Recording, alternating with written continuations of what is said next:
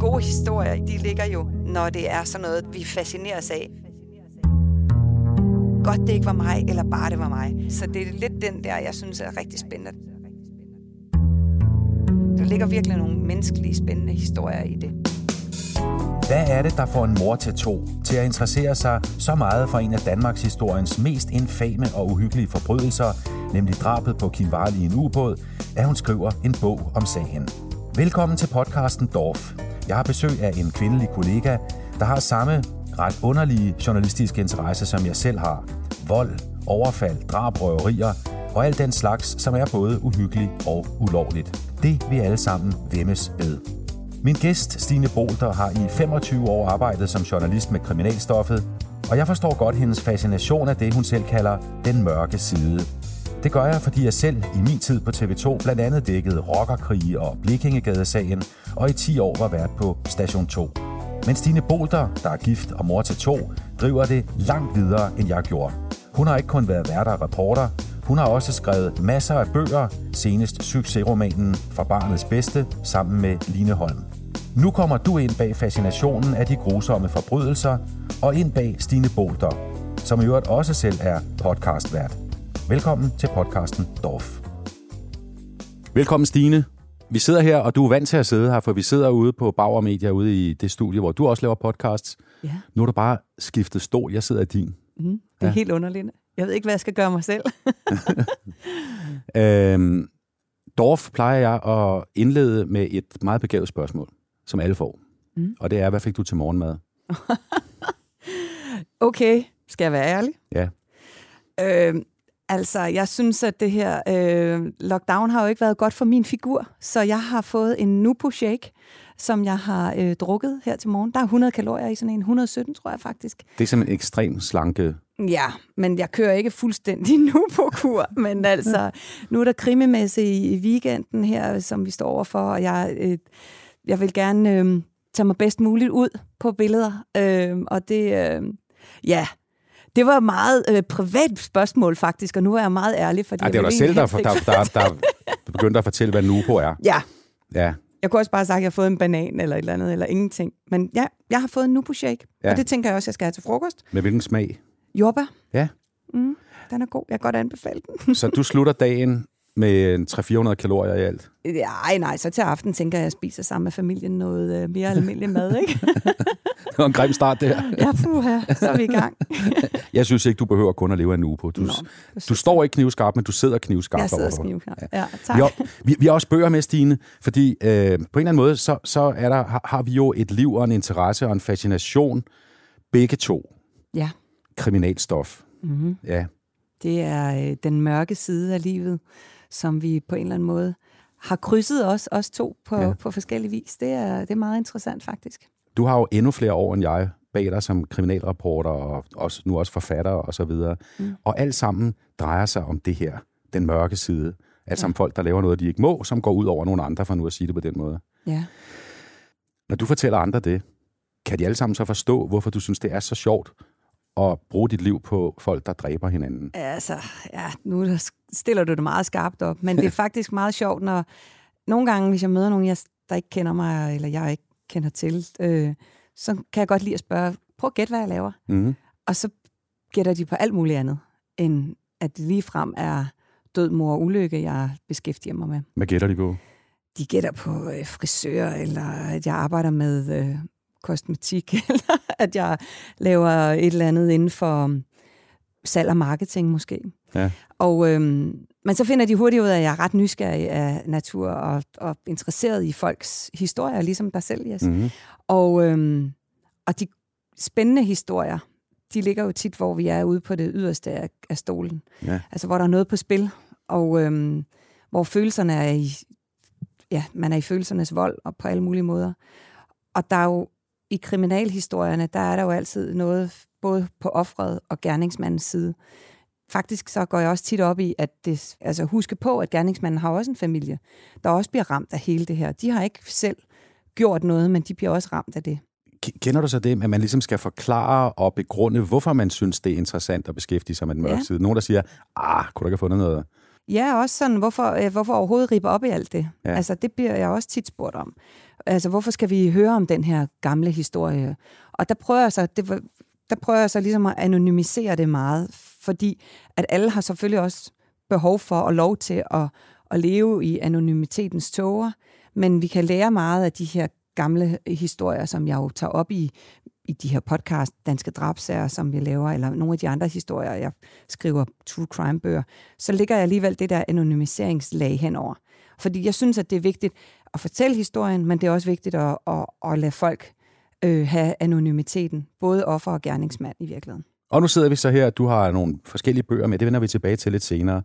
Og det er, at vi faktisk lapper ind over hinanden, Stine, du og jeg, som både journalister, og med en fascination og en interesse for, for, for det her, den mørke, den mørke side.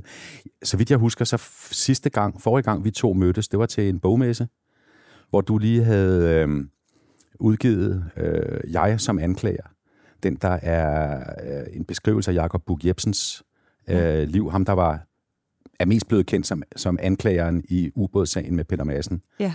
Der stod du også ude på sådan en bogmesse der, som Mrs. Crime. Ja, true crime i hvert fald, ja. Og øh, du var der jo som interviewer, hvis jeg husker rigtigt, ikke? Jeps. Hvad synes du? Jeg synes det samme. Ja. Jeg synes det samme, men jeg har det, jeg, har- jeg har det jo altid... Øh, jeg har det ofte sådan, at når man kommer ud som repræsentant for kriminalstof, hvis man nu tager det sådan lidt mm. firkantet, Ja. så er man ikke helt så fin som dem, der har skrevet en dæksamling.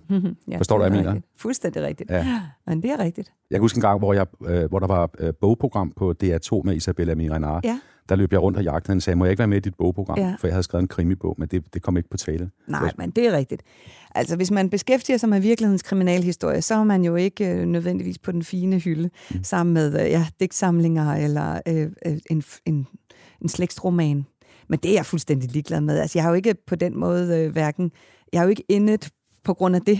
Altså, Nej. jeg har jo også været vært på, på tv, hvor jeg jo ikke er hyret på grund af, øh, at jeg er en god, nødvendigvis en god vært, men hvor jeg ligesom var hyret, fordi jeg ligesom har en, en øh, viden, jeg er en fagvært. Mm. Øhm, og det synes jeg er skønt.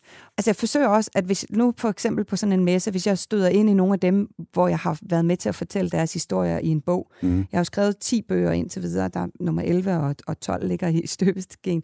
Men mm, hvis jeg støder på nogle af dem, så vil jeg kunne se dem i, i øjnene og håbe, at de synes, at jeg har håndteret deres historie, eller deres families historie, med respekt og med ære og, og etik. Og øh, jeg bliver jo tit kontaktet af nogen. Jeg ved også, du er også selv blevet kontaktet af nogen igennem årene, ikke? Så det er vigtigt for mig, at jeg ikke er bag et, et anonymis... Altså, jeg er ikke an- anonym i hvert fald. Ja, jeg, jeg har også skrevet nogle bøger, som, som, er, øh, altså, som, som, som handler om virkelighedens forbrydelser. Ja. Og der kan jeg jo mærke, at dem, man skriver om, både offer og gerningsmænd, de kan jo kontakte en og sige, det der var forkert, og det der var rigtigt. Hvorfor skrev du sådan? Ikke? Hvordan synes du, det er? Jeg synes, det er i hvert fald allervigtigst at svare dem. Mm. Og lige med om de så har begået 12 drab, så har de også øh, krav på at få et svar. Ja. Så jeg kommunikerer, altså jeg skriver tilbage, og jeg undskylder, hvis jeg har skrevet noget forkert, for det er jo sket. Og så sørger jeg simpelthen for at give dem, en, det er jo det samme, som du siger, den samme behandling som, som offrene, om jeg så må sige. Ja, lige Ja, præcis. ja. Ja. Jamen, du har jo skrevet en bog, der hedder Opklaret, Det er du også. og det er ikke den samme. nej, nej, nej, jeg kom først. Ja, Det kan vi snakke om lidt senere, Stine. Lad mig lige sige, øh, jeg har googlet dig, og så kender vi jo hinanden en lille smule i forvejen. Du er født i 1976 i Kalundborg. ja. I dag er du 45 år gammel, gift med Simon Mm. og har to børn. Det her med Google ved meget, var. Ja. og min kæreste, var I også gode venner. Ja. Øh, dengang du selv var barn, og var i dine børns alder, det er to teenagebørn, du har i dag, mm. hvad drømte du om at lave? Jamen, jeg har nok næsten altid vil være journalist, i hvert fald da jeg var på den alder, som mine børn er nu. Ja. Øh, jeg startede et skoleblad på Nyopskolen i Kalundborg. Det hed News, altså Nyopskolen. News med Y, ikke med E. Og så direkte efter det øh, i, på Kalundborg Gymnasium, der startede jeg et skoleblad, der hed Barberbladet. Vi skal igennem, eller vi skal til, eller vi... Og jeg var jo redaktør på både det ene og det andet, og synes det var rigtig fedt. Og så snart jeg kom ud af gymnasiet, og, og mens jeg var i gymnasiet, skrev jeg på et, et landsdækkende blad, der hed Gymnasieelevernes Gymnasieeleven hed det bare, Ja. som var Gymnasieelevernes landsorganisationsblad, hvor jeg øh, også blev øh, medlem af bestyrelsen der. Hvad var det for noget i dig, som gjorde, at, at, at du allerede altså fra, fra, fra teenage-stine skrev og skrev og kommunikerede, og faktisk var journalist fra inden du blev voksen? Det er fordi, jeg er så nysgerrig. Mm. Jeg har lige været til 25 års jubilæum med mit gymnasie, hvor de jo også læste op fra den blå bog, og selvfølgelig står der jo, at jeg skulle blive journalist, eller forblive journalist, og de regnede med, at jeg blev chefredaktør på Ekstrabladet eller Kalundborg Folkeblad. Mm. Øhm, så øh, det, det stod bare... Men jeg er så nysgerrig. Jeg stiller de spørgsmål, som folk øh, sidder og tænker, men ikke tør stille. Ja. Så jeg spørger jo bare om det. Så kan man slå sig lidt på det, men, men for det meste vil folk jo gerne fortælle. Det ja. ved du selv. Ja, for søren. Så, så hen og spørge. Jeg kan genkende enormt meget af det, du siger om din skoletid, for jeg sad dengang, jeg gik i skole, det var så, øh, ja, det var så knap 20 år før dig. Der lavede jeg Spejderbladet, Totempælen, og jeg lavede mit eget fodboldblad, hvor jeg lavede referater af de kampe, jeg så, og både i fjernsynet og, og, og live. Og de andre synes jeg var lidt sær. Ja. Hvordan blev du, om jeg så må sige, mødt i din kreds, når det, når det du lavede, var at sidde og lave skoleblad? Og... Nej, men det, jeg, sy- jeg håber da ikke, det synes jeg var sær. Men Nej, altså, men anderledes så. Øh, anderledes, i hvert fald øh, ofte måske lidt upassende, fordi jeg jo netop kan finde på at spørge om hvad som helst. Øh, jeg kan også huske, at jeg lavede noget med med skolevejlederne, hvor det kom helt op på, øh, altså på rektorniveau, fordi at det var sådan nærmest en afsløring af, jeg, nu kan jeg ikke huske, hvad emnet var, men lad os sige, det var afsløring af, at, at de ikke brugte den tid, at de ikke var til stede, men fik vel løn i den tid, de skulle være til rådighed. Altså, nu gætter jeg lidt, jeg kan ikke helt huske det, men jeg fik en masse ballade ud af det. Kritisk journalistik. Kritisk journalistik fra day one. Ja. Men det synes min, min medelever jo var skønt, øh, men lærerne synes måske, det var knap skønt. Øh, jeg ved ikke, var, var, synes de virkelig, at du var sær, fordi du... Nej, nej, sær er nok et forkert ord, men jeg tror, de synes, jeg var sådan... Øh, altså, det, det, var, det var i hvert fald noget, jeg gjorde, de ikke gjorde. Ja. Ja. Fordi, øh, altså, jeg kørte også på knaller, der drak øl og alt det der. Ja. Men så satte jeg mig hjem og havde altså en fest ja. helt alene. Dengang havde jeg en gammel mekanisk skrivemaskine, hvor jeg sad og lavede mit spejderblad, som udkom i, jeg tror, 50 eksemplarer, og jeg synes jo, det var et masse medie. Fedt. Så den der glæde, den her rus ved, at nogen så det, jeg lavede, den, kan du genkende den? Ja, det kan jeg i hvert fald. Ja.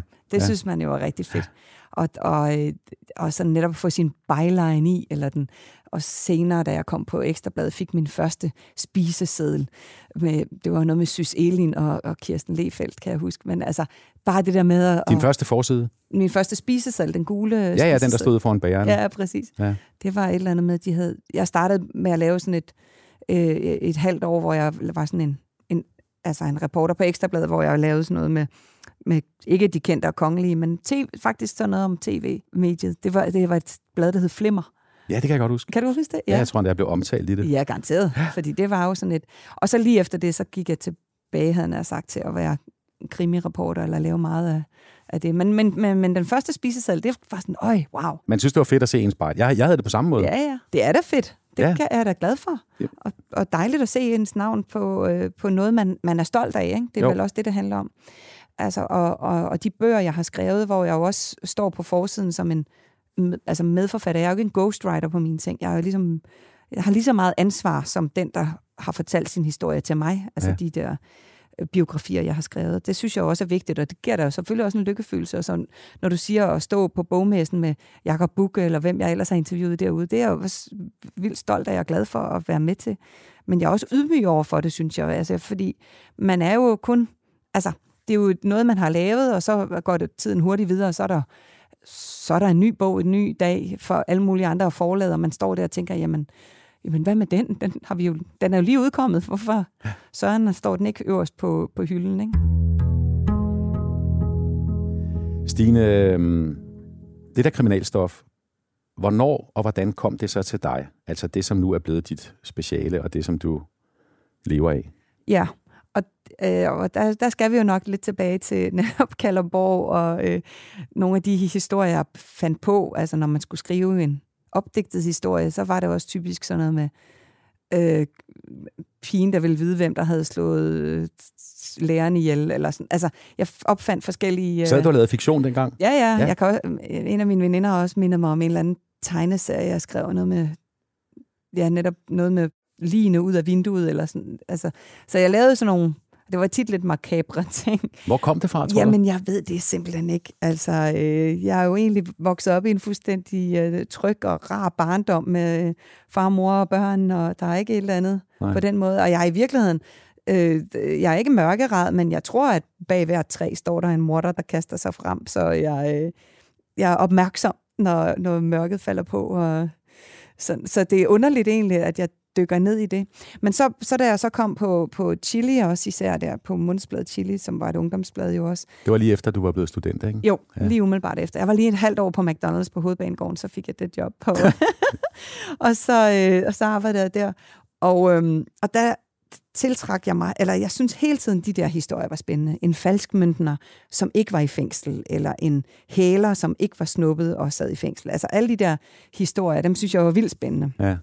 Og, øh, og det er jo der, de, de gode historier i gåsøjne, de ligger jo, når det er sådan noget, der, altså, vi fascineres af. Enten synes vi, godt det ikke var mig, eller bare det var mig. Mm. Så, så, så det er lidt den der, jeg synes er rigtig spændende. Der ligger virkelig nogle menneskelige, spændende historier i det. Ja. Så det, det er ikke et eller andet med, at jeg har oplevet noget forfærdeligt, uh, gudske tak og lov for det, eller et eller andet, der sådan...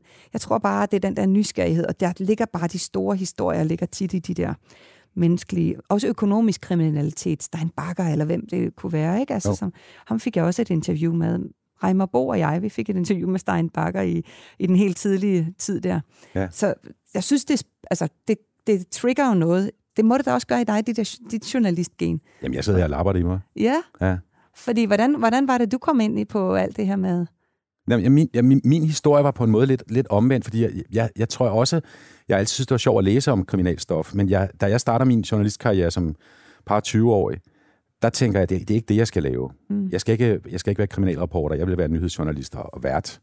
Ja. Øh, og så ved skæbnen, at jeg kommer ind i kriminalstoffet, fordi da jeg søger et job som reporter på TV2, hvor alle vil ind, og det var sindssygt svært at få et job, altså ja. i, i, i, i stationens barndom, et halvt år efter den, de var begyndt at sende i 88, der spørger jeg Niels Brink, som jo blev min partner in crime gennem mange år senere, og jeg ja. kendte i forvejen, der spørger jeg ham, hvad skal jeg sige til den her jobsamtale? For jeg, jeg var ikke kommet ind med fra starten, jeg kom ind et halvt år efter. Hvad skal jeg sige til jobsamtalen for at få jobbet? Og jeg skulle til samtale hos Alice Vestergaard, der var redaktionschef, og dengang gift med udenrigsminister Uffe Ellemann Jensen. Og Niels siger, du skal sige, du vil lave kriminalstof. Og så siger jeg, hvorfor det? For det er jo løgn. Så siger Niels, det er fordi, der er ingen andre, der gider. Nej, det fordi, var ikke fint nok. Stine Bolter, dengang var kriminalstoffet lige præcis ikke fint. Ja. Det var bunden, det var under sportsjournalistik. Yes. Men jeg går til den her jobsamtale udelukkende for at få jobbet naturligvis, og siger så undervejs til Alice, da hun spørger, hvad vil du lave? Så siger jeg, jeg vil gerne lave kriminalstof. og øh, hvad jeg ikke, i virkeligheden ikke vil. Øh, og så får jeg det job. Og så vil skæbnen øh, tre uger efter, jeg er begyndt som reporter på TV2's Københavner-redaktion, så kommer Blikindgade-sagen. Mm. Og så hænger jeg på den. Og den trigger mig ja. til at sige, at det der stofområde er i virkeligheden, undskyld lytter udtrykket, sjovere, mere interessant, meget mere spændende end politik og miljøplaner. Mm. Ja. Forstår du, hvad jeg mener? Ja, ja, præcis. Så der blev, jeg, der, der blev jeg simpelthen født ind i stoffet ved hjælp af, af, af denne her, som jo er Danmarks historiens største røverisag, det kan vi roligt sige. Ja, det må man nok sige. Det var ja. da spændende, at du røg lige ind i den. Ja, og siden har jeg haft samme fuldstændig både formidlingsfascination og interesse for det stofområde, som du. Ja. Hvor meget fylder det i dit liv? Altså kriminalstoffet. Øhm, Er du på det døgnet rundt? Nej, det ved jeg ikke. Der må du spørge nogle andre i virkeligheden. Jeg tror måske, min familie vil sige, at jeg er meget på det, men, men jeg, det er jo lidt sjovt med mig, fordi på den ene side, så er jeg altså virkelig meget nede i det, og følger meget med, og engageret sådan arbejdsmæssigt i det, men i min fritid, der lytter jeg så også krimier og læser krimier, så det er selvfølgelig. Der plejer jeg sådan at sige, der laver, altså, så interesserer jeg mig netop, jeg interesserer mig faktisk også for boligindretning, og for og madlavning, øhm, og for altså, sådan nogle helt almindelige kvindelige ting, og jeg øhm, er mor, og øh, altså, du ved, kan godt lide det, naturen, være ude og gå med hunden og sådan og så slet ikke beskæftige mig med det. Mm. Men hvis jeg sidder til et middagsselskab, som du spurgte om før, og folk ja. de spørger, hvad laver du? Så, altså, så vil de jo vide alt inden for det. Og hvis de så spørger min mand, og jeg kan ikke jeg ved godt, hvad han laver.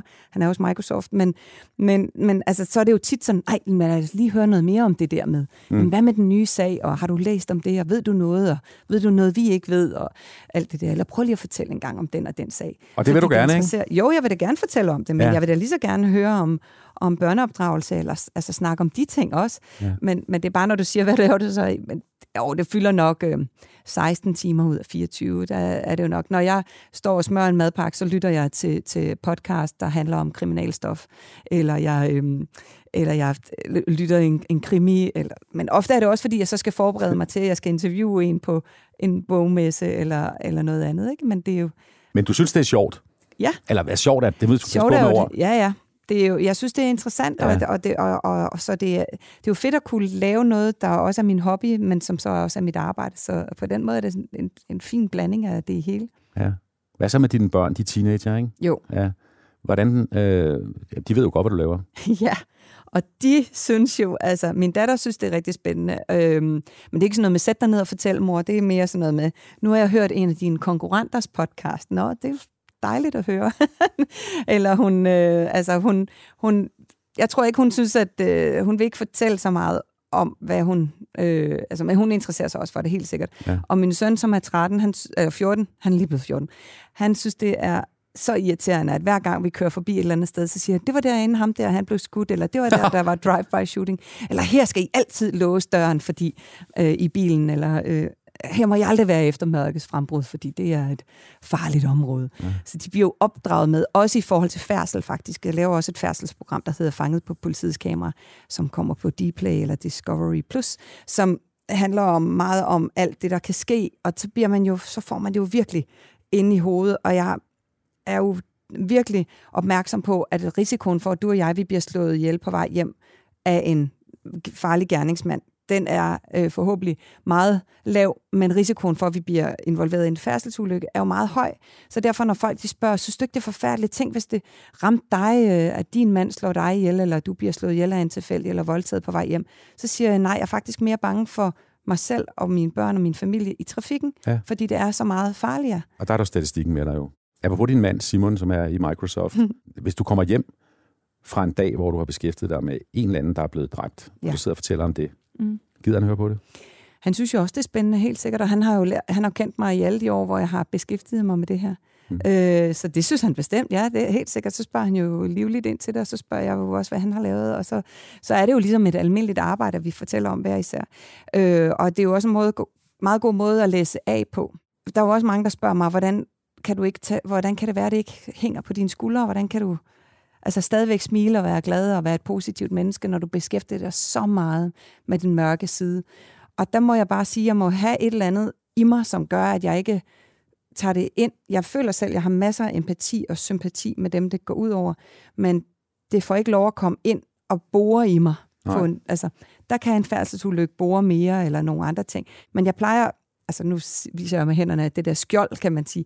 Altså jeg tror selv på, at det handler om, ligesom en læge, eller en sygeplejerske, eller en falkredder, kan sagtens have et helt almindeligt glad og godt liv, uden for, øh, for, for, for det arbejdsliv, man har. Men, men det der skjold, du siger, det kender jeg også godt. Ja. Altså, man, jeg kom heller ikke hjem, når jeg havde beskæftiget mig med forfærdelige drabsager, eller altså ting, der var virkelig gået ud over andre Nej. mennesker, sådan at tog det på mig, men jeg kunne alligevel, altså jeg havde det, det rullede i mit hoved hele tiden. Ja. Der må da også være, altså for eksempel når du skriver sammen med Bug Jebsen, skriver den her bog, hvor han har været anklager i Peter Madsen-sagen, som jo er altså grænseoverskridende forfærdelig, altså ja. grofuld og, og uforståelig. Der må være nogle steder, hvor det alligevel går helt derind, hvor man tænker, ej, det her det er simpelthen for meget. Jo, og lige præcis den sag, hvor jeg også har fulgt den alle retsdagene i, i retten, og jeg har mødt øh, Kim Walls øh, forældre, og øh, altså, og hun også var journalist, ikke? Altså, den var selvfølgelig ekstraordinært hård, og, og når jeg kender så meget til den, jeg har også skrevet drabschefens erindringer, som efterforskede ubådssagen, og jeg har skrevet anklagerens erindringer, som var anklager i sagen, jeg har mødt familien, jeg har været med i, så er den selvfølgelig gået dybere ind under huden på en eller anden måde. Så, så, så der er det jo vigtigt, at man taler med, med folk omkring en, og, og med journalister og så videre. Ja. Øhm, og, Koblede du også af på den måde, når du, da du stod med, med de sager, eller hvordan? Ja, jeg tror, jeg læssede af. Ja. Altså, jeg, jeg talte med andre, som gad høre på det. Ja. Fordi at jeg også... Jeg kan huske, det var så ikke kriminalstof på den måde, men den her forfærdelige øh, øh, gisselulykke, der var, eller gisselsag, der var i Rusland for mange år siden, ja. øh, hvor det var små børn, der, ja. blev, der blev dræbt af gisseltagerne. Det er nok det, der har påvirket mig allermest, også fordi jeg så billederne. Ja. Der gik jeg hjem og græd. Ja. Og der havde jeg ikke nogen at tale med. Mm. Men ellers øh, får man det, altså så kender jeg skjoldet. Ja, men det er det. Men nogle gange, så, så falder det ned, ikke? Selvfølgelig, og de der billeder, det er jo umuligt at fjerne. Ja. Altså, jeg har dækket en, en pædofilisag, hvor der er nogle billeder, jeg, jeg vil ønske, aldrig havde set. For jeg kan slet ikke få dem væk fra mit indre billede, eller indre blik. Og man kan jo aldrig lige vide, hvad der så trigger en, om man har haft en, en dårlig periode, eller hvad det nu kan være. Der, der kan være andre ting, der ligesom gør, at man er nede i et hul. Ikke? Så, mm. Så kan det selvfølgelig godt gøre ekstraordinært ondt, men altså, det er jo det er jo vigtigt, ellers så tror jeg slet ikke, man kan beskæftige sig med de her ting. Og have, og have det der professionelle, man også skal have over for den, man interviewer, om det så er offer, gerningsmand, pårørende til den ene eller den anden side, ja. politiet eller hvem det er. ikke så? Har du, har du grædt, når du er kommet hjem? Eller haft den der, det samme som at græde, altså den her, hvor man tænker, det her det er simpelthen for, for meningsløst? Jamen, jeg har haft søvnløse nætter, præcis i forhold til måske ubådssagen der, ikke? Hvor, at det, hvor det var inden, altså hvor det var så voldsomt, og man var vidst så meget om det, men lige frem græde tror jeg faktisk ikke, jeg har. Så tror jeg, at det vil... Øh, det vil være, altså så tror jeg, at man skal til at overveje, om man, om, om man skal arbejde med det Selvfølgelig kan man godt gøre det en gang, som du har gjort der, men hvis det var ligesom meget noget, der ligesom tynger mig ja. meget. Jeg er jo altså også sådan en type, som, det er jo både godt og skidt, men altså hvis jeg, hvis jeg får en sviner, eller får skæld ud, eller, så har jeg glemt det et par dage efter, og det, det er sådan et eller andet, det er jo også en form for skjold, som jo bare gør, at jeg går igennem livet, hvor glasset altid er halvt fuldt. Øh, og det er jo meget positivt øh, og godt for mig. Det er jeg jo helt bevidst om. Man skal selvfølgelig også nogle gange tænke over, om at jeg skal ikke fuldstændig bare blive vippet ned som sådan en, en korkprop, der kommer op igen, og så er jeg lige så glad igen. Mm. Men det er jo meget godt i det her tilfælde, kan man sige. Fordi jeg tænker ikke sådan, øh, altså det går ikke at tynge mig.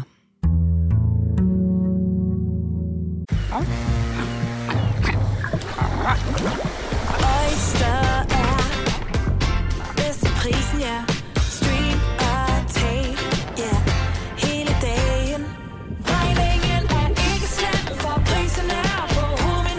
har vendt prisen helt på hovedet. Nu kan du få fri tale 50 GB data for kun 66 kroner de første 6 måneder. Øjster, det er bedst til prisen.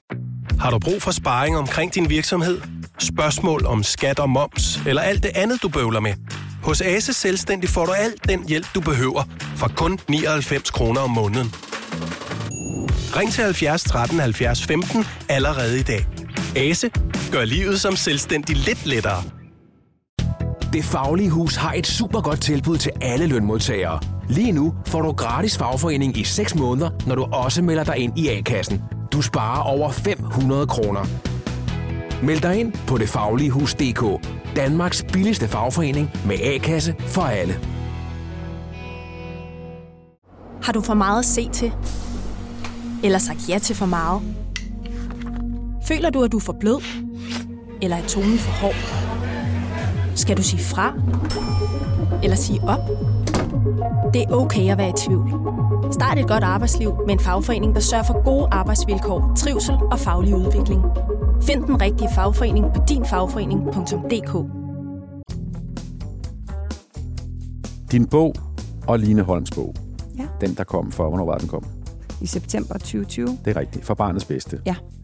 Det var jo et, øh, kæmpe succes. I har solgt filmrettigheder og alt muligt med den. Du sidder og smiler. Ja, og jeg er da stolt af det. Det kan jeg fandme med godt forstå. Den er solgt til seks lande. Ja. Og, øh, og ja. Nu kommer jeres toer. Den hedder Lovløs, har jeg hørt. Mm. Og øh, det er de samme hovedpersoner, der er i toeren, som der er i For Barnets Bedste. Øh, nemlig Maria Just, politihistorikeren, og de to politibetjente, øh, Dirk og Dalin. Ja. Er det svært at skrive toeren? Nej, fordi at, øh, jeg synes, toeren lå... Øh, plottet i toeren, det er jo en krimi, altså fiktion, så plottet i etteren og plottet i toeren, dem havde vi faktisk på plads nærmest allerede, da vi begyndte at, at, at udvikle på det her. Så om lovløs var blevet etteren, og for barnets bedste var blevet toeren, det var sådan lidt, som det nu lige faldt ud. Og ja. vi, vi var bare mere inspireret til at skrive etteren først. Så man kan jo godt sige, at det er den svære toer, og det kan da også godt være, at vi får ekstra sommerfugl i maven, men indtil videre siger vores redaktør, det er fremragende, så vi øh, læner os op af, at han, han er så, øh, så glad. Øh, han er en af de eneste, der har fået lov at læse indtil videre, ikke? og okay. så, så må vi øh, se, hvad der øh, her om ikke så længe, der skal den til i tryk, og så kører det. Det kommer ud en gang omkring nytår? Ja, nej, den udkommer den 21. januar 2022. Okay. Ja. Øhm, Line Holm, som du laver den med. Ja.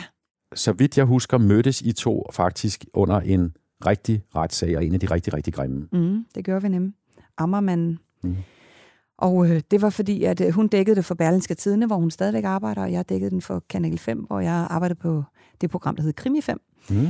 Og øh, vi sad ved siden af hinanden og hentede kaffe til hinanden og, og, og sludrede øh, sådan i pauserne og sådan nogle ting. Og var jo travlt beskæftiget med, med sagen her. Ikke? Men øh, der, der mødte vi hinanden og, og fik sådan et professionelt øh, øh, og godt øh, forhold til hinanden. Og har dyb respekt for, for, hvad vi kan være især. Ja. Da jeg så øh, blev spurgt af, altså jeg har udgavet en, en krimi i øh, 2009, altså før Ammermann-sagen faktisk, så hedder Hævn. Og øh, politikens forlag den synes de også gik rigtig godt, og ville gerne have, at jeg lavede det igen, men der kom bare så meget andet, og jeg havde travlt med alt muligt andet. Og, øh, og så, så har de jævnligt spurgt, skal du ikke prøve igen? Og det kunne jo være godt, og du ved så meget om, om kriminalstoffet, så det må ligge lige til, til højre benet for dig, og du skriver godt, og så, det var jo dejligt. Og så, så på et tidspunkt, så sagde direktøren for Politikens Forlag. Hvis nu du får en makker, så er det jo nok nemmere. Altså, så, får, har du, så tager det ikke så meget tid. Så sagde jeg, det kan du jo godt stadigvæk tage. Men øh, lad os prøve at kaste os ud i det. Jeg var også gået selvstændig og kunne ligesom selv bestemme over min tid. Øh, og så sagde hun, vi skal finde en kvinde til dig, som, som, øh, som skal være dit modstykke. Og det skal ikke være en, der har udgivet en masse bøger, men, men en, der skriver godt. Og det kan være en, en fra Sverige Norge. Det, det, lad os prøve at kigge på det. Og øh, med, den første, jeg pegede på, blev så, eller var Line Holm. Og, øh, og jeg synes, hun skriver virkelig godt, og øh, jeg synes, vi har nogle ting, der komplementerer hinanden. Hun, hun er en graverjournalist og, og, og arbejder meget med, med politik også, og ved en masse ting om sådan det store billede der, og god til at skrive langt, og skriver som sagt rigtig godt. Og jeg ved rigtig meget omkring efterforskning og retsmedicin og de her ting. Og så hvis vi nu forenede de to ting, så tænkte jeg, at det kunne blive godt. Ja. Og øh, først så sagde Line faktisk nej. Det vil hun ikke. og så fik jeg hende lukket med til et møde, og, og langsomt så, øh, så, så kunne hun godt se, at det kunne faktisk være rigtig sjovt. Hvordan lukkede du hende? Jamen, jeg sagde, at du må ikke sige nej. Du bliver nødt til at tage med til et møde. Ja. Så kan du sige nej bagefter, hvis du stadigvæk synes, det er en dårlig idé. Ja.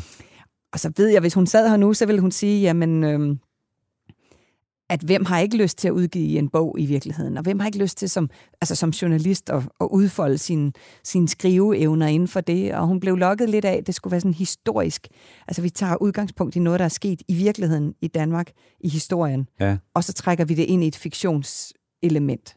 Og det synes hun var rigtig spændende, og hun synes også, at det er fedt at få lov til at netop at lave nogle, altså, altså sådan lidt karikere noget politisk også. Ja. Øh, og, og jeg synes også, det er ret sjovt at lave nogle ting sådan lidt politimæssigt, hvor jeg godt ved, at det har bund i noget virkelighed, men det er jo en fiktionsbog, så på den måde er det...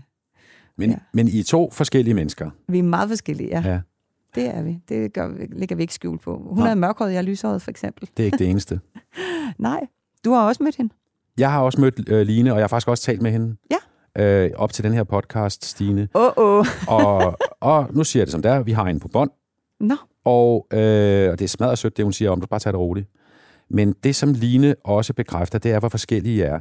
Og det, hun fortæller her, det er, hvordan du er den, der er god til at sælge varen. Det er dig, Stine Bolter, som øh, kan markedsføre jeres fælles produkt. Prøv at høre her. Det, der jo er specielt ved Stine, det er, at hun så har en meget stærk fornemmelse for, at produktet ikke er færdigt, når, når bogen er skrevet færdig. Der. Så altså, der starter så en ny opgave, som er at, at markedsføre og øh, få gode forbindelser til bogbloggerne. Altså Stine er virkelig sådan oprigtigt god til at øh, øh, holde forbindelse til bogblogger. Hun kan huske, hvad de hedder. Hun kan huske, hvad deres mænd hedder, og hvad deres hund hedder, og hvor de bor, og om de har været syge, og hvad for et job de ellers har. Altså hun, hun er virkelig god til sådan at, og til den udadvendte del af, af arbejdet med sådan en bog og markedsføringen af den. Og så står Line lidt mere bag dig, mens du fører dig frem. Er det rigtigt? Åh, oh, Line, du er du sød. Ja, men det er rigtigt. Og det er jo rigtigt, og det er jo meget sjovt, at vi i tale sætter det jo fuldstændig, at, øh, at jeg siger jo, det er skide godt, Line, lad os komme videre. Og så siger hun, nej, nej, der mangler lige nogle komma og et, og et punktum her. Det, det er da fuldstændig lige meget. Der bliver læst korrektur to gange. Så vi er jo virkelig forskellige, og det er også helt vores styrker ja. på den måde. Men det er så skønt at høre det der, og jeg, jeg gør også en dyd ud af det der med at forsøge at kunne... Øh, altså, fordi det er så vigtigt, bogblogger, anmelder, interviewer, og vide, at man, man er, altså, man er jo en lille brik i alt det her. Man skal jo ikke komme ind og si- tro, at når du, øh, her kommer jeg. Det, det, jeg fik også at vide engang, at jeg var den mindst snobbet, hvad hedder det, det mest, den mest usnobbede. Det mest ukrukkede. Øh, ja, mest ukrukkede i en, i, i en sammenhæng med, med noget med noget tv, var det faktisk. Og det synes jeg, der er rigtig dejligt at vide. At, øh, fordi jeg, jeg er jo, eller vi er afhængige af både vores læsere og, og de her, der formidler stoffet, og den journalist, der har sat sig ind i det. At du har sat dig ind i det her og lavet de her ting i os i dag, det synes jeg da også er skønt at vide og høre. Og, øh, man føler sig jo godt modtaget og godt behandlet, og det, det er da dejligt. Stine, nu lægger vi, nu lægger vi det fra os. Ja. Nu går vi tilbage til øh, For barnets bedste.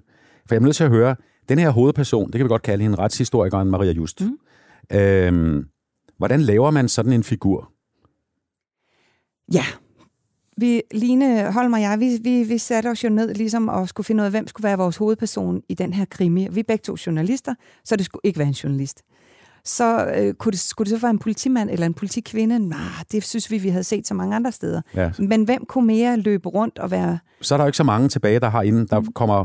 Så er der så er der en retsmediciner, for eksempel. Ja, men hvor meget kommer han, hun ud på et gerningssted? For vi snakker faktisk om en retsmediciner. Øhm, vi kan ikke rigtig huske, eller det kan være, at I har det på bånd, men vi kan ikke rigtig huske, hvad, hvem, hvordan vi præcis lige øh, landede i en historiker, men det var jo, opdraget var ligesom, at det skulle være en historisk sag og, og en nutidig sag, og de to ting møder så hinanden i bogen, ikke? eller i alle de bøger, vi, vi forhåbentlig skal lave. Og derfor så var det måske også lidt oplagt noget med en historiker. Og hov, der er jo øh, Frederik Strand på Politimuseet i København, politihistoriker, spændende sted, politimuseet, super spændende sted, tidligere øh, station ja, ja. For, for politiet, og har, har fængsel også lige ved siden af. Rigtig spændende sted. 1, 2, 3, så var hun jo opfundet ud fra det, og det har udlandet også synes var rigtig spændende, det her med øhm, en historiker, altså dem, der, de lande, der har købt, øh, købt bogen. Fordi hun er faktisk ansat af politiet, men er sådan lidt i periferien og kan løbe rundt og har selvfølgelig en veninde, der er journalist og kommer tæt på politiets efterforskning på, for, på forskellige vis og har adgang til arkiver, PET, alle mulige spændende ting. Så det, øhm, det har vi ligesom brugt som og, det, og, og, nå, og så hele hendes persongalleri. Yeah. Hele, hvordan er hun bygget op? Der trækker vi jo tråde til os selv. Lina og jeg, vi er jævnaldrende, og hun er født i, i Jylland, og jeg er født i Kalundborg, og det der provincielle, og har nogle ting der. Maria, hun er så fra Vesterhavet, har øh, havde en far, der var fisker, og altså sådan, så vi prøver at trække alt det der med, den der dårlige samvittighed med, at vi ikke er nok hjemme i vores, på, i vores hjemstavn hos vores forældre, og alt det, det har Maria så også i sig. Hvordan sidder du og Line og, og, og former sådan en person? Er det ligesom, når man laver en salat, man blander lidt ned, og så tager man lidt op igen? Eller, altså, det, må, ja. det må være enormt sjovt. Det var sjovt. Vi sad i, i, i Skanderborg øh, på, øh, på et dejligt hotel derovre og, og, og brainede meget ned i det i starten, for det der persongalleriet var så vigtigt. Ikke? Mm. Hvordan ser hun ud? Altså at finde, så har vi fundet en, en skuespiller, vi vil ikke sige, hvem det er, men som vi ligesom sådan har et billede af, så vi ind i vores hoved ved, hvem det er, hvordan vi synes, hun ser ud. Men når du læser bogen, skal du jo have dit billede af, hvordan hun ser ud. Derfor går Jeg- han vi ikke rundt og siger, Jeg havde hende som øh, slank, mørkhåret, øh, eller omkring 35? ja, 40? det er rigtigt nok. Ja. Øh, nu møder vi hende første gang, så vidt jeg husker, når hun kører på cykel, ikke? Jo. Ja. Øh, altså i forbarnets bedste. Og, men noget, altså, så har jeg billedet af en, der hverken er pæn eller grim, altså bare sådan, sådan lidt almindelig i gåsøjne. Ja, Ja. okay. Er det okay? Men hun har faktisk røde krøller, stort rødt krøllet hår. Står ikke i bogen, gør det? Jo, det står godt, mange okay. steder, det Nå. her skønne, meget øh, store røde. Lidt ligesom mig, så din kæreste. Ja, så er hun pæn. Ja, Er det en øh, dansk eller øh, udenlandsk skuespiller? udenlandsk. Okay. Vi kan ikke komme det nærmere. Det er der jo ingen grund til, fordi du skal jo have lov til, at det er dit billede af, hvordan Maria Just ser ud. Det er Ja. inde i dit hoved. Og sådan vil vi gerne have, at, at folk skal selv ligesom gøre det. Og I sidder, I, I sidder lidt og skriver skiftevis kapitler. Ja, så vi, vi har lavet, nu har vi jo lavet to bøger, kan man roligt sige, så derfor så har vi gjort det på samme måde i begge to, hvor vi sidder i starten sammen, forsøger at, at få struktur på det, og så med den nye, vi lige har lavet, Lovløs, som kommer her til januar, der har vi startet med at sidde og skrive plottet sammen, men så ville skæbnen så, at jeg fik corona, så jeg sad med headset på, og jeg havde det rigtig fint i starten, og det gik super godt om. Sad sad du og var coronapositiv og skrev ja. kriminalromaner? Ja, eller vi skrev den her lange, lange Ja. ja. synop, som endte med at blive 60 sider lang, som er alt, hvad der skal ske i bogen, så vi kunne dele den op og så sige, du skriver det, du skriver det, du skriver det. Og der sad jeg så i mit soveværelse og var faktisk isoleret fra resten af familien. Øh, det var min datter og jeg havde det begge to på samme tid, og resten af familien fik det også. Men det er en, lang, en helt anden historie. Men de første dage, jeg var positiv om mandagen, og om fredagen, der kom der pludselig noget rullende af hovedpinen, og, og altså virkelig, puha. Og, hvor jeg, og hun fangede det faktisk slet ikke lige i den anden. Jeg sagde sådan, jeg synes godt nok, jeg have ondt i hovedet. Ja, okay. Men hvad gør vi her hen i kapitlet? Og jeg var mere og mere sådan dårlig. Og jeg tænkte, ej, nu bliver jeg nødt til, vi bliver nødt til at call it a day, og så, øh, og så lukke ned for det. Men jeg havde hende så i, altså vi, havde, vi var, hun var i mit headset, ikke? Og jeg var vel i hendes, og så sad vi hos hver, hver vores og skrev. Så det var jo, som vi sad over for hinanden. Det var helt ligegyldigt. Og nærmest en live-transmission af en kriminalroman. Ja, det var det faktisk. Ja, ja, ja. Og der sidder vi så og, og bliver inspireret og googler ting, mens vi er sammen, men ikke sammen. Men den anden, der, der sad vi så sammen. Men man kan også sige, i starten, der skal man jo virkelig finde ud af sit persongalleri, hvor, hvor vi er på vej hen. Og vi ved jo også allerede nu, hvor Maria er på vej hen i, i, i forhåbentlig en kommende toeren. bog. Tre- Ja, Nej, og i treeren. træeren, ikke? Ja. Om det er fordi, inde i vores hoved er vi jo, skal vi jo til på et tidspunkt at tænke lidt på en træer. Så vi kan, vi kan spoile og sige, at hun overlever turen. Så langt, så godt, ja. Apropos det her med, med at, at, at, at forme de her figurer, har du brugt alle de politifolk, du har mødt, øh, når du har lavet true crime? Har du brugt nogle af dem som figurer, inspiration, eller på en eller anden måde øh, kigget lidt til dem, når du har lavet Michael Dirk og Frederik Dalin? Ja, det Altså de to jeg. politifolk, som Nu har vi kom... lavet dem sammen, ligner jeg, men Ja. ja. ja, det kan du tro. Det vil jeg i hvert fald heller ikke fortælle, hvem der er... Eller, altså, de er en sum af mange øh, forskellige. Og der er jo mange af dem, som du kender, som jeg også har kendt, da jeg lavede kriminalstof. Så jeg sidder, jeg har enormt meget lyst til at høre, er, er der lidt Kurt Krav der? Er der lidt Ben Isager? Mhm. Øh, Ove Dahl? Jens Møller. Øh, der er helt sikkert det er en blanding af mange forskellige. Der er også nogen, som ikke nødvendigvis er kendte, kendte, men som jeg kender. Ja. Og øh, nogle af dem har jeg jo også siddet, og, uden de ved, hvad de egentlig har bidraget med, så har de bidraget med noget. Både mm. viden, men også udsendelsemæssigt ting, de gør. Øh, måden, de bevæger sig på, spiser, gør et eller andet. Ja. det er meget sjovt. Men som, det er jo også mennesker, Ja. de her folk, der har det som, altså der, der arbejder i politiet med at efterforske og øh, altså al, alvorlige forbrydelser, Ja. drabsafdelinger osv. Mm. Hvad er det for nogle mennesker? Jamen, det er jo i princippet mennesker som dig og mig, og vi er jo også engageret, og, og det er nogle mennesker, der kan smide alt for kun at gå på den her sag. Ja. Og det er også lidt ligesom en journalist, og netop især en kriminalreporter som os to, der bare fuldstændig går på den her sag, og man har fri, når man er færdig. Ja. Og øhm, så det er dedikerede og engagerede mennesker, og de har, altså, altså smadret spændende. Altså, jeg elsker at være sammen med dem, og, og være en flue på væggen, som jeg har været så heldig at være i, i mange af de her bøger. Hvordan er det lykkedes dig at komme godt ind på dem? Fordi det handler jo meget om en tillid og en relation mellem dig og øh, en for eksempel en drabsefterforsker. Altså, de skal jo også kunne stole på dig, og frem for alt være sikre på, at du ikke misforstår det, de laver. Ja, eller skriver noget, der ikke er rigtigt. Ja. Og, og jeg har jo arbejdet som kriminalreporter i næsten 20 år, og man kan jo sige, at, at det er jo vigtigt for mig, at jeg også kan ringe til dem igen i morgen. Ja. Altså, jeg ikke smider dem ind under bussen. Øhm, og det er også vigtigt, at, at man, når jeg interviewer nogen, det gælder uanset om det er en drabschef, eller om det er en menig medarbejder, eller hvem det er, at, at jeg behandler det ordentligt, og ikke nødvendigvis også bare jagter, at historien skal bare på forsiden, som vi også har talt om, og på spisesedlen. Øh, og at man også passer på dem. Og, og der har jeg også øh, nogle gange måske fået noget at vide, hvor, hvor altså, der var en, en drabsefterforsker, som sagde, jeg tør kun snakke med dig, fordi at øh, jeg er så ophidset og super lige nu, så hvis, hvis jeg bare snakker med en eller anden, så bliver det bragt uden, øh, uden filter. Ja. Og, og det, så er jeg fyret i morgen, sagde han.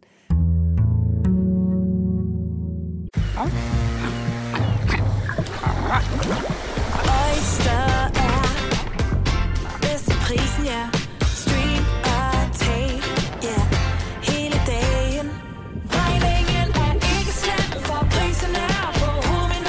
Vend prisen helt på hovedet. Nu kan du få fri tale 50 GB data for kun 66 kroner de første 6 måneder. Øjster, det er bedst til prisen. Har du brug for sparring omkring din virksomhed? Spørgsmål om skat og moms, eller alt det andet, du bøvler med? Hos Ase Selvstændig får du alt den hjælp, du behøver, for kun 99 kroner om måneden. Ring til 70 13 70 15 allerede i dag. Ase gør livet som selvstændig lidt lettere. Her kommer en nyhed fra Hyundai. Vi har sat priserne ned på en række af vores populære modeller. For eksempel den prisvindende Ioniq 5, som med det store batteri nu kan fås fra lige under 350.000. Eller den nye Kona Electric, som du kan spare 20.000 kroner på.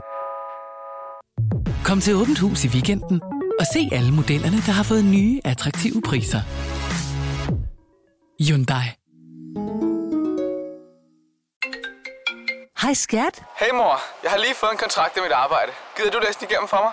Jeg synes, vi skal ringe til Det Faglige Hus. Så kan de hjælpe os. Det Faglige Hus er også for dine børn. Har du børn, der er over 13 år og i gang med en uddannelse, er deres medlemskab i fagforeningen gratis. Det Faglige Hus. Danmarks billigste fagforening med A-kasse for alle. Hvor, hvor er din grænse for ikke at være politiets forlængede arm? For det kan jeg huske, da jeg lavede Station 2 og så videre, det fik vi tit at vide. Vi var bare blå blink, og vi, vi var bare øh, Københavns politis primært informationsafdeling. Ej, nu Jamen, det- nej, nej, nej, fordi Men det er det jo er- efterlyst. Station 2 efterlyst, den, der Det var synes det, alle ja. de kriminelle, at det er et møgprogram, fordi det er bare... Ja, der hængte jo dem ud. Ja, præcis. Og jeg har jo, øh, jeg har jo stået uden og lavet øh, live og, og, og sendinger alle mulige steder, hvor at jeg er blevet spurgt, er det, er det, er det TV2, er det Station 2, hvad laver du? Øh, Og hvor man kunne mærke, der var sådan lidt halv ond stemning, hvis det var, at det var det. Ja. Nej, nej, nej, nej, det er til Kanal 5. Nå, nå, fint nok. Så det handler jo om netop både at give den ene side, altså måske de kriminelle taletid, og politiet taletid. For du, du kan da også sige, jamen gider de kriminelle at snakke med mig, hvis jeg er politiets forlængede arm? Nej, det tror jeg ikke, de gider.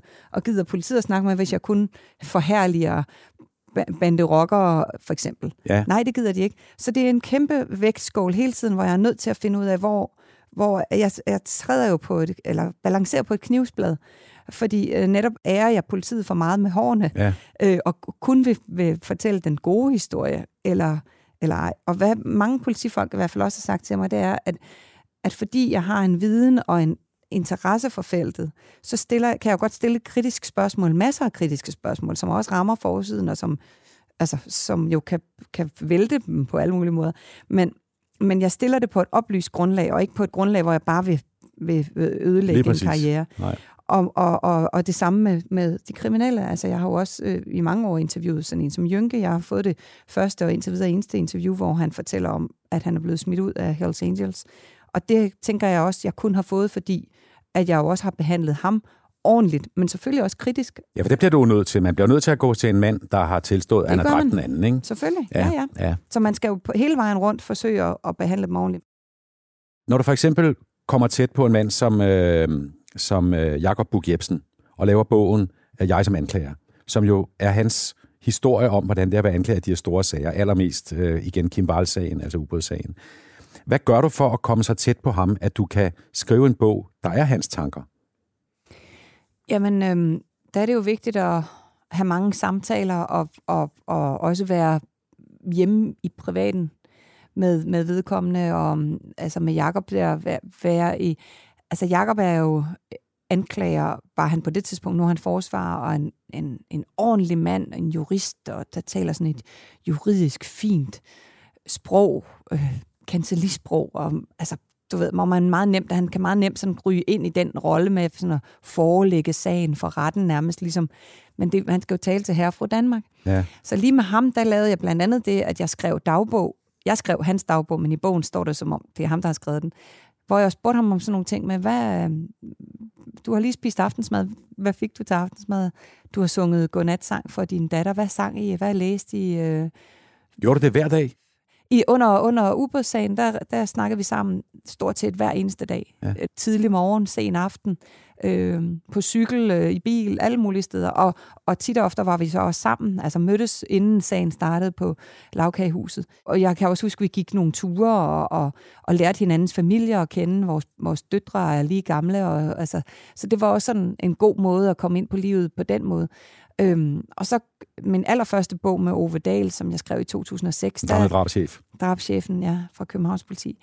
Der var jeg med ham til badminton, og jeg interviewede hans badmintonkammerater, og altså forsøgte ligesom at få et stort og helt billede af vedkommende. Men det handler jo også nogle gange om, hvor meget tid er der afsat til at lave det her, og noget, måske også noget økonomi er der afsat til at lave det her.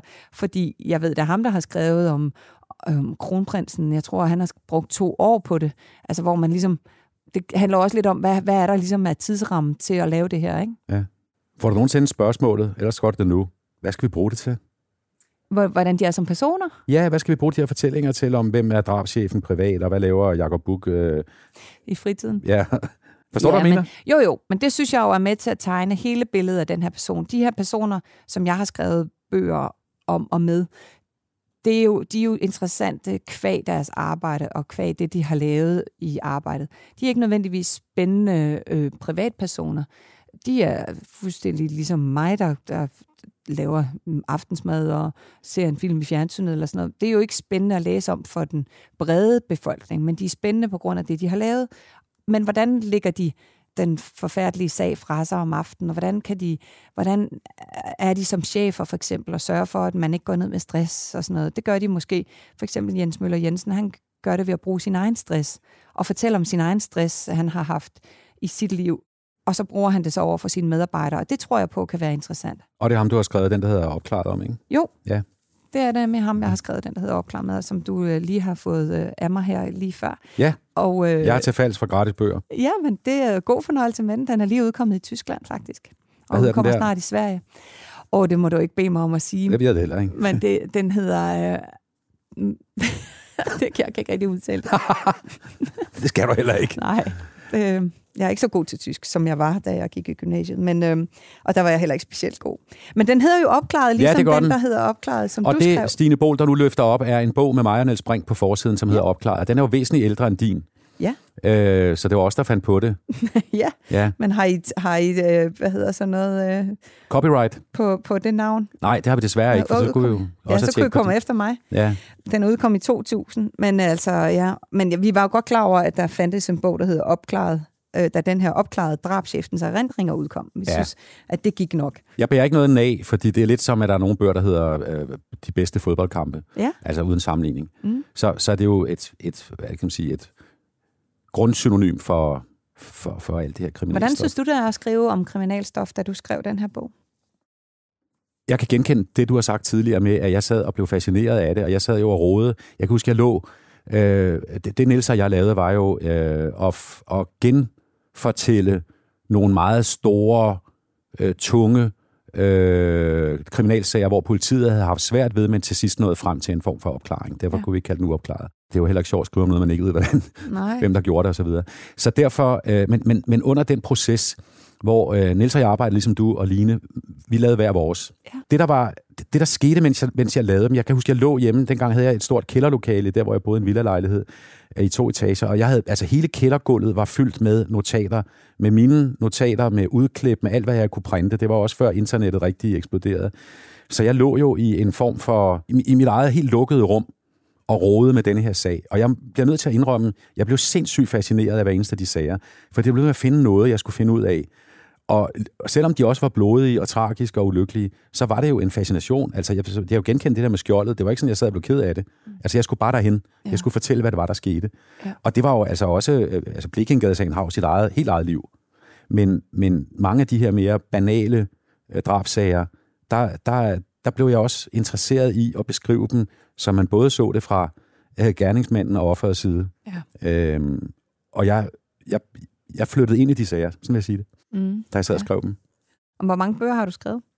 Jamen, jeg har ikke skrevet så mange som du, Stine. Nå, I har du virkeligheden nå endnu? Ja, jeg har skrevet en biografi, og så har jeg skrevet øh, to af de der opklarede. Men øh, i virkeligheden er jeg meget misundelig på dig, fordi du har det drive til at være så, så effektiv og flittig med dit stofområde.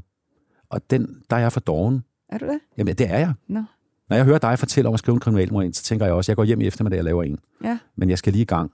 Ja. Og jeg ender nok med at gå hjem og sove en time på sofaen i stedet for. så jeg har ikke dit drive, og det er jo måske bare en erkendelse, eller kan du give mig et råd? Mm. Jamen, al- altså, mange vil gerne skrive en bog. Ja, det må man sige. Og, øh, og øh, de- dem, jeg, jeg rå- råder, det er bare at komme i gang. Altså bare skriv. Altså kend starten og slutningen, og måske lidt inde i midten. Ja. Og så bare, øh, bare skriv af, fordi at, øh, man kan bruge det meget lang tid på at have det inde i hovedet. Og så kunne det også være sådan og sådan og sådan og sådan. Bare skriv, og så prøv at, og så læs det igennem, eller læg det til side, og så læs det igennem. Fordi at, at, at øh, ja, man kommer ingen vej med bare at have det inde i hovedet. og så prøve at sætte det lidt i struktur. Og, altså jeg, både, i øvrigt, både Line og jeg er jo ret struktureret, og, og, og så lave nogle deadlines for os selv. Fordi Ja. hvis ikke man har en deadline, så, er det også, øh, så kan det også være svært, ikke? Jo. Apropos det her med, med fiktion. Når du sidder du og ser tv-serier, altså krimiserier, Mm, altså, du mener sådan noget Beck, for eksempel? Eller? Beck og altså de der, især jeg synes, at de britiske er fremragende. Ja, altså jo, jeg, altså jeg, øh, jeg har jo ikke øh, flere timer i døgnet, end jeg andre har, så derfor så er det jo tit og ofte der, jeg måske ikke øh, når at få, øh, altså komme med med alt det der. Min mand, han når at se alt på Netflix og uh, HBO. Altså, vi har lige set uh, den nye James Bond. Den synes jeg var god. Okay. Øh, men altså, jeg får ikke... Øh, jeg, jeg orienterer mig lidt i det, og får ikke set det. Men jeg skal snart se Kastanjemanden. Ja. Jeg har læst bogen, og jeg glæder mig til, at vi skal se. Øh, vi skal snart på ferie, så jeg regner med at, lige at, at køre de seks afsnit ned. Ja, og det er jo Netflix, så du kan tage dem, når du vil. Ja, lige præcis. Og lad mig lige sige, og jeg spoiler ikke noget som helst nu, at jeg synes, Kastanjemanden er ganske glimrende. Ja. Der er mange, der siger, at den er fremragende og historisk. Det synes jeg ikke, den er. Jeg synes, den er, den er godt lavet, mm. godt filmet, og de spiller godt. Ja. Specielt Mikkel Bo Fønsgaard. Ja. Strålende. Men der er jo undervejs nogle ting, der simpelthen ikke er realistiske. Altså, hvor øh, politiet gør nogle ting, de aldrig vil gøre i virkeligheden. Mm. Altså, der er nogle, der er nogle fejl i den, som jeg, øh, som den kender af det her stofområde, ligesom du, opdager med det samme, og så bliver jeg pisseirriteret. Ja. Kender du det? Yes. Jamen altså, jeg har lige øh, læst An- Astrid Sønberg fra TV2. Hun har faktisk skrevet, at hun har set den, og synes, at det er så irriterende, at de ikke ved, hvad forskellen er på sigtet og tiltalt. Ja. Og jeg er sikker på, at jeg kommer selv til at sidde og flyve op under, øh, under taget, for det der er for åndssvagt. Altså, hvis man lige kunne lave sådan nogle små, øh, små opslag lige, eller få en, få en konsulent med på det der. Ja. Jeg er sikker på, det, det jeg, jeg har ikke bidt mærke i det i bogen, så spørgsmålet er, om det er en swipser, der er sket øh, under Ja, der, processen. der, der er flere, og det er slet ikke kun i den. Nej, okay. Altså, det er 10 gange værre i andre serier. Nå ja, det er rigtigt, ja. Ja. Men jeg, jeg bliver også irriteret over det hver gang, altså. Ja. Men, men yes, man skal jo passe på med at pege fingre, når man selv sidder i et glashus. Så jeg vil, jeg, jeg vil nødt sidde og sige noget dårligt om de der ting. Men jeg vil bare sige, at jeg, når jeg, når jeg skriver med Line og med andre, så, vil jeg, så får jeg det læst igennem. Ja. Så, øh, fordi selvom jeg tænker, "Nå, det ved jeg da godt, jeg ved godt, hvad man gør på et gerningssted, så har jeg jo hverken selv været efterforsker, eller øh, bare i nærheden af at være det. Men jeg ved mange ting om det. Du ved flere, mere end de fleste. Ja. Ja. ja. Men så for eksempel, så har Hans Peter Hågen lige læst lovløs igennem, eller i hvert fald de dele, han, han er retsmediciner. Mm-hmm. Og, øhm, og så siger han, jamen det vindue, du beskriver inde på det kontor, jeg tror, du tænker på, det, der er altså kun et, og der havde vi så skrevet, at der var to, for eksempel. Så du skulle fjerne et vindue. Jeg skal enten fjerne et vindue, eller, og, og så, så var der også noget med, at det er et skyde, skydevindue, og ikke et vindue, man åbner ud af. Og det er jo meget vigtigt egentlig at have med, fordi jeg beskriver, eller vi beskriver så rigtigt ellers. Ja. Så er det jo ærgerligt, at vi beskriver en, et rum fuldstændig rigtigt, men så har vi pludselig placeret to vinduer. Så selvom det er fiktion, så skal det kunne foregå i virkeligheden et eller andet sted agtigt. Ja, men så skal der også være nogle ting, hvor det er ligegyldigt. Altså fordi, og så må folk jo grine af det, eller, altså, eller sige, jamen, sådan er det jo ikke i virkeligheden. Det skal også ligesom være noget fremdrift. Der, altså, Men hvis nu vi ser på sådan det rent, øh, hvad kan man bruge for et ord, drabstekniske, altså den måde, ja. Folk kommer af dage på i bøgerne, ja. øh, så konsulterer I også folk som Hans Peter Hågen, du nævner. Mm. Jeg skal lige sige, at Hågen har jeg også mødt og lavet indslag med. Han er en fantastisk fortæller med en fantastisk norsk accent, og Hans Peter har over 30 år, han arbejdet med skalpeller i Kittel på Retsmedicinsk Institut, og været også i Thailand og obducerer alle offrene fra tsunamien. Og han kender om noget det at arbejde med den døde krop, forstå mig ret. Mm. Ja. Men han, han, ham, ham bruger jeg også som konsulent for, hvordan man dør. Ja, for, altså, det, det, ja, altså, hvor, hvor, hvor lang tid tager det øh, at kvæle et menneske, det ved jeg så for eksempel godt, men altså, Hvor lang tid tager det? jamen, det tager i hvert fald tre minutter med et fast greb, hvor der ikke på nogen måde kommer luft til. Der var engang en mand, der havde forsøgt at kvæle en, sin mor med bæltet fra en housecoat, Ja. og så havde han ikke holdt, så ho- lå han sådan og holdt presset, men så havde han ikke holdt det længe nok, så da han sad ude i køkkenet, så kunne han høre, hun vågnede op, så gik han ind og gjorde det færdigt. Han skulle have vidst, det var to-tre minutter. Ja, det var nej, mindst tre minutter. Mindst. Ja, du skal være helt sikker, for ellers så, øh, så kan der pludselig komme luft til igen, og så... Ja, det var et lille, det var et lille øh, service meddelelse. Nej, nu skal vi ikke grine af det, men det der var... Øh, det er jo i hvert fald sådan, at sådan en detalje, Ja. den skal jo være i orden, hvis man vil skrive, at det tager... øh, Altså, hvis man kun skriver, at det tager et minut, det er jo noget møg, det skal man jo ikke skrive.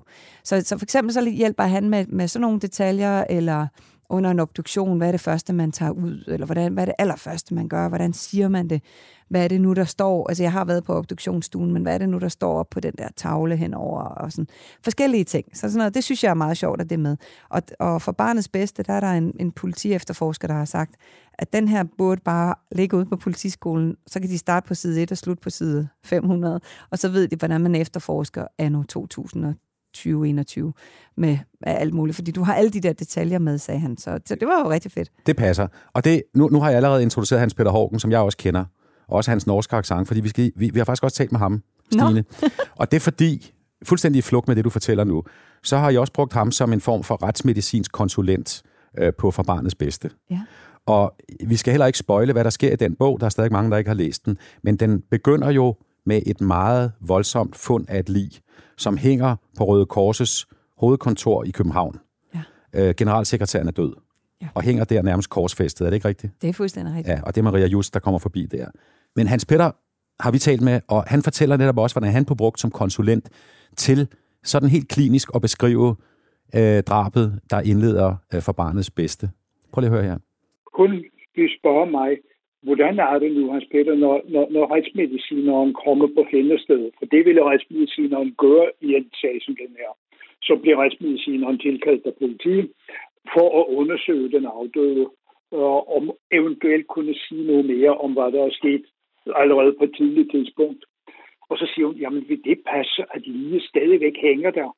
Når retsmedicineren kommer, der er jo politiet jo kommet for længst.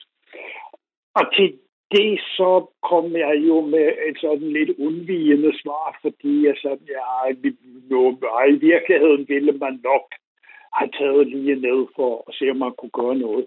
Men øh, nu er det, det jo fiktion, så kan du jo lade det passere, fordi det er jo voldsomt effektfuldt, det du har beskrevet. ja, det er fuldstændig rigtigt. Og jeg... Øh, og det var, jamen det var jo, altså, ja, men det er jo fordi, det, er jo, det skal jo også være spændende at læse. Så Ja, ja. jeg havde godt tænkt på, at vide, om man egentlig stadigvæk hang der, og, sådan, og så tror jeg, det var Jens Møller havde læst, læst manuskriptet igennem, og også ligesom lavet en note ud for det. Altså politimanden. Ja, pol- øh, drabsefterforsker Jens Møller Jensen. Og, og, og Hans Peter havde, havde egentlig læst det, men ikke kommenteret på det der med, at han hang, eller ja, han stadigvæk hang der. Og jeg var sådan lidt, hmm, og Jens sagde, den, han vil typisk være pillet ned på det tidspunkt. Og så, Han, han, han hænger på gelænderet, ikke? jo, sådan nærmest på gelænderet om bagved af det der Røde Korses øh, symbol. Men øhm, så, så, så, øh, så siger Hans Peter så det her, mm, ja, men det er jo effektfuldt, og jeg kan godt følge det, og jeg tror, at i nogle tilfælde kunne vi godt lade ham hænge, og så, så får man også ligesom ser, det er her, han er. Og så, så, så tager man så livet ned bagefter, Ja. Og kigger nærmere på, på livet. Så, så han, han, han, han kan godt se ideen i, at det er øhm, effektfuldt og det her. Og her i weekenden har jeg også lige talt med en anden politimand, der har læst den kommende, altså lovløs, som havde nogle ting, hvor han sagde, jeg kan godt leve med noget af det, men, fordi jeg har jo ligesom bedt om, det skal være så rigtigt som muligt, men så læs det med de øjne. Og så, siger, så er der nogle ting, hvor vi lige skal skrue en lille smule på nogle knapper, så går det fint. Men det må godt være lidt spektakulært, ikke? Jo, Ja, jo, jo. ja. Det er spændende. Og det er sjovt også at få deres input der for, for, for den faglige side. Og og jeg tror også selv, at de synes, det er meget skægt at se, hvordan, hvordan deres fagkundskaber kan blive brugt i en fiktionsroman. Øh, ikke? Og så er vi tilbage til det, vi begyndte at tale om, den mærkelige, men alligevel forståelige fascination, du og jeg har af de her ting. Ja, Ja. det er det. Tænker du nogensinde på, og nu går der sådan, øh, jeg ved ikke, man kan kalde det socialpædagog, men et eller andet sådan, i disse politisk korrekte tider, Stine, øh, møder du nogensinde det her med, at det I skriver om, nemlig død, mor, ødelæggelse, sorg, ulykke, har en negativ indflydelse på folk, på deres læsere Og lyttere, ja. og lyttere og seere. De skal også filmes jo. Ja.